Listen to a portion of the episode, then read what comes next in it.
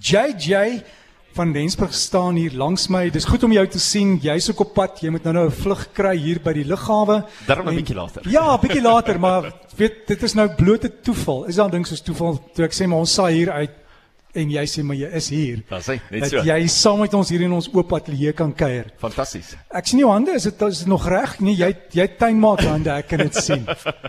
Maar JJ ons het nou in die binneland plekke het baie reën gehad, dis koud vanmôre. Ek is seker daar's ook plekke wat ryp gaan kry. Jep. Uh, jy moet gou kyk, iemand het nou net dag my gesê hulle wil die ryp afspuit as die tuinslang gevries. Ja. Dis ongelukkig een van daai dinge, jy weet 'n mens moet altyd verstaan dat jou tuinslang vroeg in die oggend gaan gevries wees. Soos jy weet jy moet môreoggend jou tuin aanspuit.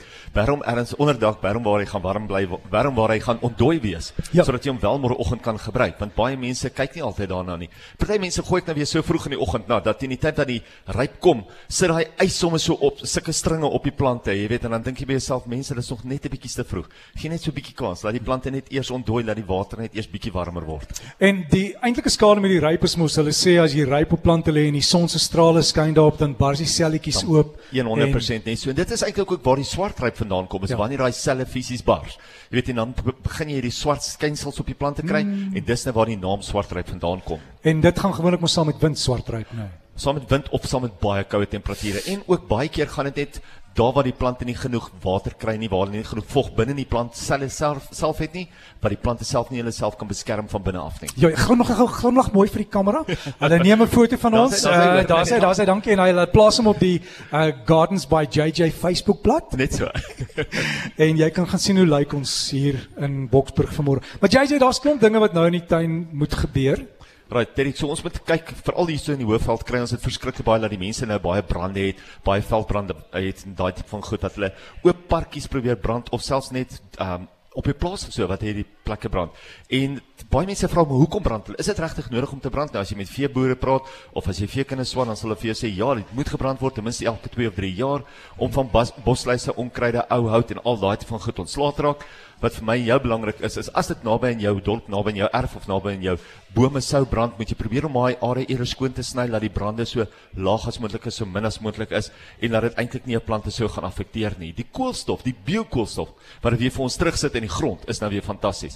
Dis hoekom hulle het agtergekom dat plekke wat afgebrand het, veral in die woude en so aan Amazone, het hulle gesien daar waar hulle afbrand, groei die bome twee keer so vinnig terug want die mikrobes in die grond word deur die biokoolstof geaktiveer.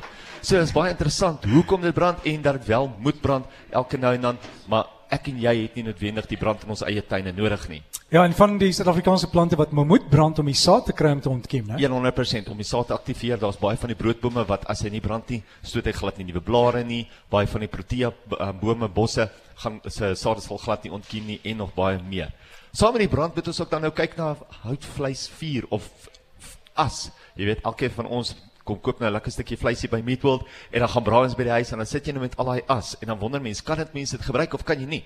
Enige organiese produkte wat jy um, kan gebruik soos houtpapier, uh charcoal of so glad nie 'n probleem nie. Maar sodra mense kom by steenkool, uh, sodra mense kom by enige chemiese produkte, moet dit glad nie in die tuin gebruik nie. Weereens, daai hout, daai as aktiveer weer die uh mikrobes in die grond, maar dit is ook potas. Onthou potas is nou maar 'n ou naam en die potas naam kom eintlik van waar hulle as in 'n pot gegooi het, vol water gegooi en so die eintlike mikrobes kon uh afgetrek het. En dit is waar die naam potas vandaan kom. Maar dis maar baie min potas as jy regtig potas wil hê, kan jy meer gebruik wat jy, Jy kan- in 'n kwekery koop. Ja, maar maar ook deesdae, jy weet baie van die plante wat gekweek word, daar's nie regtig grond in die plant nie. Dis nogal potas, né? Ja, dis baie potas, daar's baie ehm um, veen en kyk onthou grond is eintlik maar basies net 'n medium baie keer vir plante net om in te groei. Want jou plante wil nog steeds deur lig wees, hulle wil baie suurstof hê, wil nog steeds daai bietjie uh, organiese materie in hom hê, maar hy het nie noodwendig altyd 'n soliede grond nodig nie. Jy het net te praat jy van hoe koud dit nou word en dit is eintlik interessant hoe, hoe vinnig potte deur die koue en deur die weer geaffekteer word. Jy weet as jy 'n plant in die grond het, dan het jy daai grond wat hom kan uh, beskerm en jy die hele area om hom wat hom eintlik beskerm. Hy het 'n mikroklimaat, maar sodra hy in 'n pot staan, dan kry hy al die elemente van al die kante af. En sodra hy al die elemente van al, al die kante af kry, dan gaan die plant baie vinniger dit ook kan voel. So jy moet nou maar onthou dat as jy potplante buite die huis het, skuif hulle maar ergens onder 'n warmer area in, in 'n warmer area in die in 'n sonhoekie in, miskien uit die wind uit of so. En dan kyk jy ook na jou potplante binne in die huis. Onthou daai potplante binne in die huis veral waar jy verhit.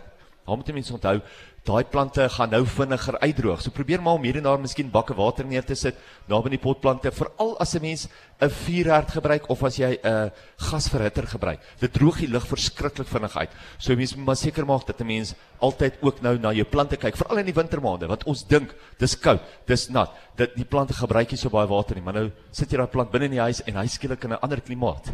Ek het nou die dag agtergekom een van my potplante in die huis het die water het suur geword. Ja. Want iemand wat na my huis moes kyk toe ek weg was, het te veel water gegee Ja. en ek het net 'n stukkie charcoal ingegooi Fantasties. onmiddellik is dit weg. Fantasties. Ja, en dit is 'n fout wat baie mense ook maak. Is as hulle plante nat maak, dan laat hulle die water deurdreineer, dan staan hy binne in die water en dan word jou grond ook nou weer daaronder seer. Maar charcoal houtskool is 'n fantastiese ehm um, algeafbreker en hy maak jou water weer vars. Net vinnig voordat ek gaan wil ek gou vir jou vertel net van ons plant van die week. Ek het nou nie een saamgebring vir oggend nie. Gister was 'n bietjie doldag geweest, maar dit is 'n ek hou daarvan nou veral om interessante nuwe plante ook nou vir mense te wys. En veral as mense nou kyk na omdat dit so koud is, moet ons ietsie kry wat reg oor die land in hierdie koue ook kan floreer. Nou ons almal weet, ons almal weet sterk is die konifere. En hierdie enetjie is 'n juniperus, maar is 'n Wichita blue. Nou die Wichita blue het blou-grys blare. Hy groei so om by 3 meter hoog. Verskriklik dig, baie gehard, mal oor die volson. Ongelooflike mooi plant vir jou tuin. So as jy 'n mooi pot het en jy soek iets wat interessant is, ek gaan dit sommer nou op die Facebook van die mense plaas wat daar, daar kan gaan loer. Hoe lyk hy en gaan kyk vir jou, gaan kry vir jou miskien 'n pragtige nuwe tipe fokusplant. Ons almal weet ook hoe gehard is hulle, hoe maklik is hulle om na te kyk, immergroen. Wat meer wil jy? Gaan kyk vir die Wichita blue. En so gehard hulle kan in die sneeu groei. Net so. Hulle doen. Dit is waar hulle vandaan Ja. kom. Hulle kom van Europa af. JJ baie dankie. Veilige vlug vir jou en geniet dit. Dit is altyd Baie, goed baie om met jou te gesels. En as jy wil gaan kyk na die plant van die week, die inligting word geplaas op die Gardens by JJ Facebookblad. Hou van die groep, kry die inligting en lekker tuin maak.